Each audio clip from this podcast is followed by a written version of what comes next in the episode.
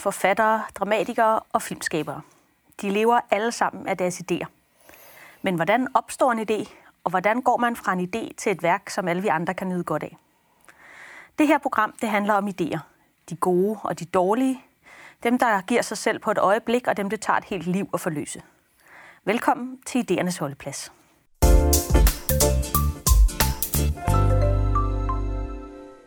Min gæst i dag, det er dramatiker og forfatter Jokum Rode. Velkommen til, Jokum. Mange tak. Og øh, fordi at den her snak om idéer, den jo nemt kan blive flyvsk og øh, højtravende, så øh, har jeg besluttet, at vi starter med at tage udgangspunkt i en konkret arbejdsproces. Og øh, du har jo øh, et bredt øver med mange forestillinger og indtil flere bøger på, øh, på samvittigheden. Men øh, lad os begynde med øh, den forestilling, som øh, fik premiere på Svalegangen i Aarhus for en fuldstændig tom sal øh, i vinter her midt under nedlukningen af kulturlivet, altså den forestilling, der hedder Gådekatalogerne. Og øh, det er jo en forestilling, som ingen uden for teatrets egne øh, fire vægge af, af ansatte, de, øh, de har haft anledning til at se. Så kan du ikke øh, fortælle mig og seerne lidt om, hvad det er for en forestilling? Hvad handler den om? Øhm, altså jeg kan i hvert fald øh, du, beskrive, at øh, altså forestillingens form, øh, det er skuespil i et akt på 90 minutter. Øh, det er til to mandlige skuespillere. Øh, Victor Markusen, Andreas Valentinus Dam, øh, Victor i 60'erne, Valentinus øh, i 40'erne. Øh, det er jo så som sagt altså skuespil, som... Altså jeg vil ikke sige, at skuespillet led en krank skæbne, fordi vi håber alle sammen, at der kommer et efterspil. Men øh, det her var en af de her fantomforestillinger, som, som skulle produceres og have en premiere for at udløse de her teaterhjælpepakker. Det vil sige, at man, man har 6-8 ugers øh, prøvetid, hvor man arbejder hen imod en meget mærkelig oplevelse. Og jeg arbejdet med det her manuskript, det her skuespil, i godt og vel 12 måneder, øh, er jo en underlig oplevelse af ligesom have lavet den maraton, der ender i en spurt, der ender i, øh, i en spøgelsesoplevelse. Og øh, derudover vil jeg sige, at katalogerne, når vi skal tale om idéer og inspiration, var et af de her stykker, som var som en bjergklatring. Altså et af de stykker, hvor man kan mærke, at heldet, altså heldet er der ikke.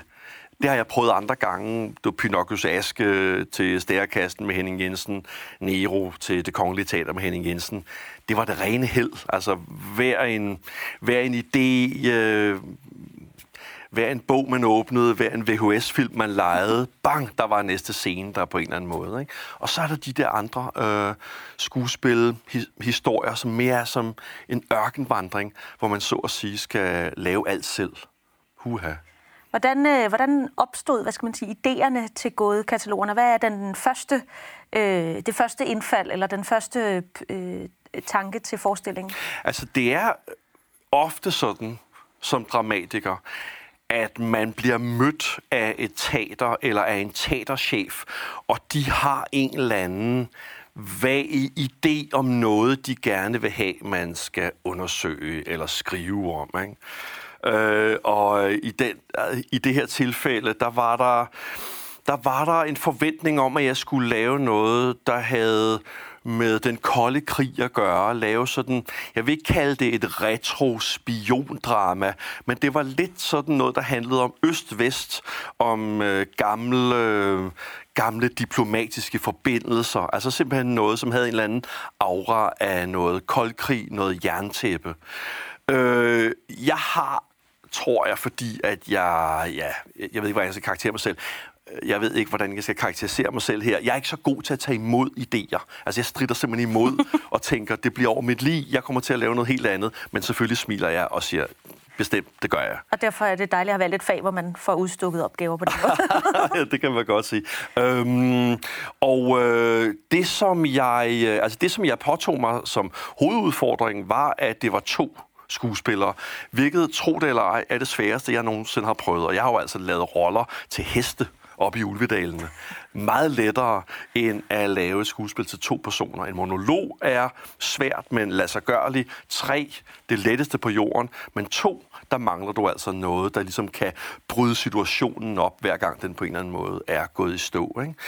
Øh, jeg havde så øh, nogle, et år forinden læst en biografi om en øh, gammel gangster i Boston, der hedder mm, Edward Bolver, mener jeg, han hed. Hans biografi havde jeg læst, fordi jeg ved et tilfælde havde lejet en Johnny Depp-film, der hed Black Mars. Der er et portræt af den her legendariske, meget, meget, meget voldelige forbryder i Boston i 60'erne og 70'erne. Det, jeg brugte ham til, det jeg tog ud af det, ikke, det var, at han sidder i fængsel i 50'erne. Han har klaustrofobi, han har fået 15 år, han er ved at blive altså, simpelthen sindssyg. Og så hører han om, at der er visse fanger i det der fængsel i Boston, som af en eller anden underlig grund afsoner meget mere behageligt. Og han henvender sig til fængselsmyndighederne og spørger, hvorfor har de de der toværelseslejligheder, når jeg har, ligger i den her celle med, med fire andre og er ved at blive sindssyg. Og så siger man til ham, at det er fordi, de indgår i øh, sådan nogle øh, eksperimenter. Psykiske eksperimenter. Og øh, det skulle han være velkommen til, også at deltage i, og så ville han flytte over i en toværelseslejlighed. Det sagde han straks ja til. Hvad han ikke vidste var, hvad det var for et eksperiment. Eksperimentet er, at CIA jo i de skjulte laver eksperimenter med LSD øh, på de indsatte, uden at man jo rigtig overhovedet ved, hvad LSD er, og hvad det afstedkommer. Ham her, gangsteren, er måske i forvejen, du ved, sådan skizofren, whatever. Han kommer ud som et ændret menneske, lad os bare sige det sådan. Ikke i, i positiv forstand, vel? Han, han, han undergår massiv LSD-dosebehandling i tre år, mens han er spærret inde. Ikke? Det fik mig til at læse om, at i den kolde krig, der eksperimenterede man jo med LSD i 50'erne og 40'erne. Man ville både lave sådan nogle manchurianske kandidater, og man kunne fjernprogrammere til at, be, til at begå, øh, du ved, snimor, alle sådan nogle ting. Og jeg tænkte, okay, det teater vil have mig til at lave noget om den kolde krig. Jeg tror, jeg vil gå ind og lave noget om LSD, altså LSD-eksperimenter inden for KGB og inden for CIA. Og så begynder jeg ligesom at låne bøger på alskens uh, øh, LSD-eksperimenter og hvad det gjorde ved de mennesker, man udsatte dem for. Ikke? Får du så til teaterdirektøren, når du har fået den idé, og siger, Aldrig. Nej, jeg siger det, og det er, jo, det er jo ikke så godt, at jeg sidder nu, men okay, jeg sidder nu her. Øh, nej, altså jeg er jo også sådan en, som ikke er særlig god til synopser, fordi hvis jeg har skrevet den, øh, så er jeg nødt til at gøre noget andet. Jeg ved simpelthen ikke rigtigt, hvad det er. Jeg har meget svært ved at, hvad skal vi sige, altså gå på repeat. Forstå på den måde, at selv hvis jeg ligesom har skrevet synops, så føles det på en eller anden måde, som det var så den vej fra A til B, og nu kan jeg ikke gå tilbage. Nu er jeg nødt, nødt til at gå fra B og, og videre frem. Ikke? Nu har jeg undersøgt det stof. På en eller anden måde, ja. Og så... Øhm, den anden ting, jeg gjorde øh, for at forberede mig til gådekatalogerne, og som på en eller anden nok er et tilbagevendende hvad skal vi sige, trick hos mig, det er, at jeg, øhm, jamen, altså i det her tilfælde, der gik jeg tilbage og læste øhm, 50, 60, 70, 80 numre af Batman. Alle sammen skrevet af en gal skotte, som hedder Grant Morrison. Han har lavet en meget uhyggelig dekonstruktion af Batman, som udkom over 5-6 år tilbage i nullerne. Og det er jo også noget, jeg kunne tale i timevis om. Men det basale træk, han laver, er jo, at vi kender alle sammen Batmans skabelseshistorie. Han ser sine forældre dræbt øh, af en forbryder øh, som dreng, og så sværger han af begå hævn mod alle forbrydere, fordi han har tabt sine forældre her. Men Grant Morrison, han fortæller det på en anden måde. Han siger, at faren, Batmans far, er ikke død. Øh, Batmans far er øh, så altså Batmans far har begået nogle overgreb, nogle forbrydelser øh, imod, øh, altså imod Bruce Wayne ja. som han var nødt til at fortrænge som barn. Ergo er det der med, at han ser sin far skudt ned, øh, det er en fortrængning. Det er også et wish fulfillment. Faren lever faktisk stadig og er øh, en karakter eller en arketype, som Batman altså har så stor en angst for, øh, så han ligesom har lavet den her fortrængning om, at han blev slået ihjel for øjnene af ham som barn. Og øh, det jeg helt kort vil sige med det her, det er, at jeg tror, at jeg har en eller anden, et eller andet trick, hvor hvor med at jeg både ligesom tager nogle tematikker fra tegneserier, film, bøger, som jeg har læst, men det er i særdeleshed, hvis de her kunstneriske værker på en eller anden måde har lavet et eller andet, altså et eller andet emotionelt, altså noget, jeg følelsesmæssigt ikke er blevet færdig med. Så lukker jeg det, lidt ligesom Black Star Bowie. Jeg har bare hørt den to gange den skal jeg ikke høre mere, men jeg åbner den en eller anden dag, og så har jeg på en eller anden måde øh, lidt en kanal til noget usensureret og emotionelt, som jeg så ligesom føler, jeg kan skrive på. Ikke? S- øh, og så den aller sidste ting, det var, at vi var nede og tage pressebilleder til gådekatalogerne. Og så var vi nede i sådan en gammel atomar beskyttelses militæranlæg under Stevns Fort. 100-200 meter under jorden i sådan nogle lange øh, du ved, øh, gange fra 50'erne, altså et militært anlæg fra 50'erne, 100-200 meter under jorden. Fuldstændig fantastisk. Helt som at gå ligesom i fortiden.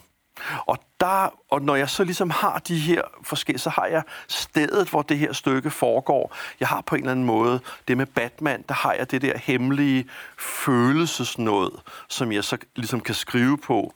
Og så har jeg hele det her LSD, øh, sådan personligheds, adfærds, psykiske eksperimentrække. Så er der ligesom tilstrækkeligt med komponenter til, at jeg tænker, så vil det aldrig det vil ikke blive kedeligt i hvert fald. Jeg, jeg læste din øh, kronik fra Politiken, som handler om den her øh, forestilling, som jo så ikke, øh, som jo ikke blev. Og der skriver du også en del om dit arbejde med forestillinger, om altså alt, alt de mange, mange ting, du har læst, og Jung og Freud. Der er klart, der var sådan en freudiansk undertone i det her Batman-univers, ikke? Øh, og et spionfilm, og Joseph Conrads øh, Mørkets Hjerte. Mørkets hjerte. Øhm, og... Øh, Altså, det lyder som om, at du, at du konsekvent arbejder med en meget, meget stort øh, bagkatalog af alt muligt. Altså, du sagde også øh, film, du har set øh, på VHS-bånd, som nok ikke er sidste år, kan vi antage. Altså, øh, øh, har du et sted, hvor du gemmer alle de her øh, idéer og tanker? Skriver du dem ned? Har du et øh, Word-dokument eller en notesbog, eller er det bare sådan en skal sige, bagkatalog, der ligger i din, i din bevidsthed? Øhm, jamen, jeg tror, at det er begge dele. Altså, det er jo sådan... Øh, kedeligt svar, men altså, det er, det er bestemt både et bagkatalog, øh, fordi at jeg øh, er vokset op med film og teater og bøger, og hvad skal man sige, altså holder det meget ved lige, øh, lige dele af at være producent af fiktion, men bestemt øh, lige så vel øh, være et øh, offer slash publikum øh, til fiktion. Øh, Øh, så en del af det er, at jeg ligesom også fastholder en professionalisering, ikke alene som historiefortæller, men også som publikum, og som sagt leder efter de her oplevelser, som simpelthen gør noget, som jeg ikke kan slippe, og som jeg så kan forhåbentligvis transponere over i mig selv, eller over i det, jeg laver. Men jeg vil også sige, at jeg jo også øh, tror på det, der hedder synkronicitet. Og øh, det skal ikke lyde mere mystisk, end det egentlig er.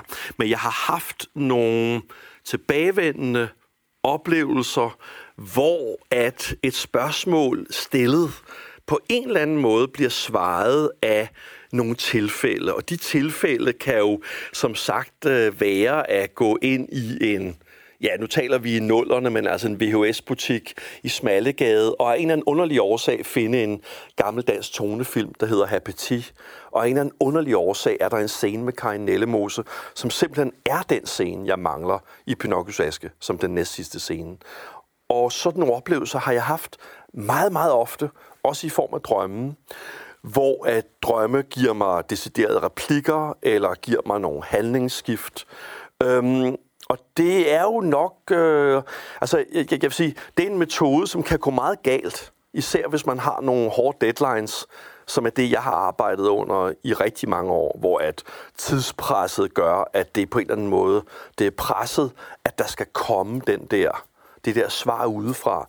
Men jeg har oplevelser med, at det på en eller anden måde kommer, hvis man beder om det. Ja, altså det, det er det, du før kaldte held eller sådan noget, ikke? At man ligesom, at, at ting dumper ned eller, eller, eller går op på en eller anden måde. Øh, og nogle ja. gange sker det så ikke. Altså, at kommer de her idéer hurtigere til dig, når du så pludselig har en øh, stram deadline, eller øh, er det desværre ikke sådan, det virker? Mm. Altså, jeg vil sige, jeg er nok en, der har mishandlet mig selv ret meget med deadlines. Ja. Øhm, og øh, øh, det, det, øh, altså, det bliver man ikke yngre af. Øhm, men jeg vil jo ønske, at jeg kunne rekonstruere øh, de her oplevelser, jeg har haft med det, jeg kunne kalde held. Er det det samme som at vinde ved rouletten? Hvad er det for et mindset, man har, når af en gåtur eller øh, et butiksbesøg eller en nat fuld af drømme? Hvad er det for et mindset, der gør, at det på en eller anden måde virker? Og hvorfor er det, at man lige efter befinder sig i en proces, hvor der overhovedet ikke kommer noget som helst.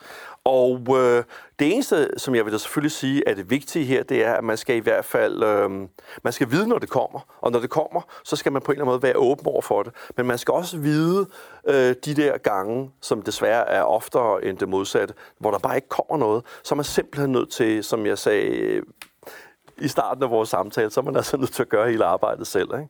Og så, øh, så kan man... Hvordan gør man så det arbejde selv? Jo, men det er jo så, at så har jeg jo, øh, som sagt, øh, et øh, stort altså bagkatalog af altså emotionelle øh, øh, altså oplevelser af kunstværker, som jeg stadigvæk kan gå ind i et rum ind i mit eget hoved, og så ligesom åbne de oplevelser op. Men det er nok, altså jeg, jeg tror et eller andet sted er jeg nok lidt tranceagtig. Ja. Og jeg har jo også øh, meget ofte skrevet til sådan noget... Øh, øh, hvad er det? Det er ikke indisk tabla-musik. Det er et eller andet andet instrument. Det spiller jeg ret højt, og efter 40 minutter af det, så ved man sgu ikke, hvem man selv er længere. Altså, så sker der et eller andet andet. Jeg bruger også meget Philip Glass og sådan noget, og Claus Schulze. Det er, altså dybest set, tror jeg nok, at jeg er sådan en, der godt kan lide at, at, ligesom at komme i sådan, sådan, øh, sådan nogle, altså lidt områder uden for mig selv. Ikke? Og jeg har nogle gange, altså jeg, jeg holder meget af lyrik og læser meget lyrik, og øh, ved jo også, at de jo også, altså de, altså det er ikke for at reducere lyrikere, men for at sige noget sådan lidt måske banalt om dem, så føler jeg jo, at de meget opererer øh, ud fra et jeg, og jeg ser øh, altså lyriker jeget lidt som en lyspære, der er skruet i en fatning, der lyser øh, ud på den verden, der er omkring dem, og måske også et du, mm. de så er i dialog med. Men jeg vil sige, som dramatiker, der skal du altså skrue den der pære ud, fordi dit jeg i det her det tilfælde er faktisk ret ligegyldigt. Ja. Det er faktisk de andre, det handler om. Og når det der, den pære er skruet ud, og der bliver mørkt, så er der allerførst helt desorienterende. Det var det, jeg oplevede i mit første stykke. Man har ingen anelse om, hvad man skal lave. Men hvis man ligesom bliver nede i det mørke, og begynder at gå rundt i rummene, og også begynder at finde ud af, at der er faktisk alle mulige øh, væsner nede i den øh, kælder. Øh, ingen af dem særlig rare. Øh, så er der lige pludselig rent faktisk øh, nogle karakterer, man kan begynde at, øh, at arbejde med. Men det lyder som om, at både din sådan, idé-virkelighed øh, foregår altså selvom man skruer øh, jeget ud, så er det stadigvæk, det er meget dig, der arbejder med det, og nu spurgte jeg tidligere, om du så vendte med teaterdirektøren, og det gør du så ikke. Øh, hvordan ved du så, at, øh, altså, at noget er den rigtige vej at gå, eller den rigtige idé? Altså når du pludselig, når du sidder med dit store bagkatalog, og din mm. øh, VHS-film, og dine Batman-tegneserier, ja. og øh, dine bøger om, om Jung og Freud, hvordan, ja. hvordan ved du så, hvad der, øh, hvad der er den stærke idé, eller hvad der passer sammen? Eller? Øhm, jamen, jeg vil sige det på to måder. Altså, jeg, jeg har både lavet meget kommersielle ting. Ikke? Altså, Robin Hood i Ulvedalene er et, klart et, altså en kommersiel opgave, og den skal ses af rigtig mange mennesker. Det vil sige, at der er nogle krav. Når at et teater giver sådan en bestilling, så bliver de meget, meget, meget øh, ligesom forskrækket i øjnene, når jeg siger, at jeg har ikke tænkt mig at aftale med dem, hvad jeg gør. Jeg gør det, jeg selv vil gøre. Så kan man senere hen se, om det var en god idé eller ej, men giv mig nu ligesom mit eget år med det her. Ikke? Og øh, det der med, at jeg så knuste Robin Hoods øh, hænder, du ved, øh, hvad hedder han, øh, ham den onde? Øhm, øh, I hvert fald Robin Hood. Ja, kong, øh, prins, prins Richard? Øh, nej, nej, det, nej, det er Richard Løvehjerte. Ja, men, det er hans bror. Ja, den... Præcis hans bror. Han ja. får knust hænderne i anden scene, sådan så han ikke kan skyde en burpil mere. Øh, jeg har altid ment, at det ville teatret have kaldt en dårlig idé i et indledende møde. Det viste sig rent faktisk, da publikum sad og så, at Robin Hood fik knust sine hænder. Så så man faktisk, at publikum tænkte, den har vi sgu ikke set før, den her. Kan vide, hvad der nu sker? Det tror jeg er første gang, at nogen nogensinde har tænkt i Robin Hood, kan vide, hvad der nu sker. Fordi hvis der er en ting, vi alle sammen ved, så er det, hvad der sker. Og der kan man sige, der er det mig, der er lidt arrogant, men også mener, jeg er simpelthen nødt til at fuck det her op på en eller anden måde. Jeg er nødt til at ødelægge noget af det, for at øh, det ligesom kan blive fornyet. Men jeg vil sige, at når jeg sidder med nogle mindre teatre, og det er nogle mindre produktioner, og de her teatre ved jo godt, at jeg repræsenterer i en eller anden forstand noget eksperimentelt og noget lidt øh, destabiliseret og måske også en kende mystisk. Så ved de jo, altså de ved jo godt, hvem det er, som de ligesom, at du ved, altså har i rummet. Øhm, om hvorvidt de her ting virker eller ej, det synes jeg i en eller anden forstand meget har at gøre med det der andet, øh, den anden del af processen, som jo er rewrites. Altså det, at efter man har afleveret det mest fuldstændig sindssyge, nonlineære kaos LSD-drama nogensinde, så bliver man i en arbejdsproces med en producent og en instruktør til den bitre ende og gør alt det, de mener, den her tekst skal gøre. Det går man så ind og gør senere hen. Men det allervigtigste er, at der er en eller anden form for et sololøb eller en jomfruelighed i det der, der bliver det primære produkt. Ja. Og det er jo det sjove, når man laver teater, at ens tekst ligesom ikke øh, står færdigt i modsætning til, du har også skrevet bøger, kan man sige, hvor man ligesom afleverer noget, som, som det skal være. Der er selvfølgelig også en redaktør, men der er trods alt ikke skuespiller, en instruktør Nej. og scenografi. Præcis. Øhm, Joachim, vi nærmer os øh, afslutningen på øh, dagens program, og øh, det betyder, at øh, vi øh, skal lave øh, den lille opslagstavleøvelse. Det er sådan, at øh, forfatter Salman Rushdie for nogle år tilbage efterlyste en opslagstavle for forfattere, hvor man kunne slå de idéer op, som man af den ene eller anden grund ikke selv så sig i stand til at forløse, og så kunne nogle andre ligesom komme og hente dem. Og øh, den opslagstavle har vi øh, her på kanalen besluttet os for at forsøge at lave, og så ikke kun for forfattere, men også for scenekunstnere og andre kreative. Øhm, så øh, hvad kunne du tænke dig at øh, slå op? Hvad, øh, den, øh, der må være mindst én idé i dit øh, store bagkatalog, hvor du tænker, det her, det, det er ikke mig, der skal gøre det. Nej, men altså, jeg, jeg, jeg vil simpelthen gerne øh, foreslå øh, nogen at lave den gyser slash Twin Peaks udgave, jeg jo oprindeligt øh, pitchede på Matador. Altså, jeg skulle jo dramatisere Matador way back i start nullerne, da jeg lige havde lavet Pinocchios Aske, og ligesom alle havde set den, så ringede øh, Ben Fabricius og øh, Lise Nørgaard, og så skulle jeg simpelthen lave øh, teater Matadoren, ikke? Og øh, så gik jeg jo helt amok, ikke? og lavede jo helt kort den her historie, hvor at, øh, øh, at Mads Skjern har en datter og ikke en søn, og datteren Ellen bliver voldtaget den første nat, hvor de overnatter på jernbanehotellet af Tjener Bold. Og fordi at datteren bliver voldtaget, beslutter Mads Skjern sig for at hævne sig på Korsbæk.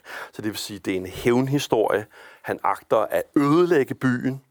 Senere hen bliver datteren, hun bliver prostitueret som måske som en reaktion på det her øh, overgreb, da hun var øh, ung.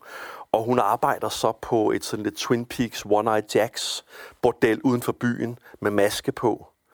Og så er der en aften, hvor Mads Skjern, som kollaborerer med nazisterne, selvfølgelig, hvilket han også burde have gjort i serien, han er så på bordelbesøg sammen med en række øh, af de nazister, han, øh, han producerer uniformer for og fordi at de her prostituerede har masker, og fordi hans datter er på heroin, sker der så det, der ikke måske.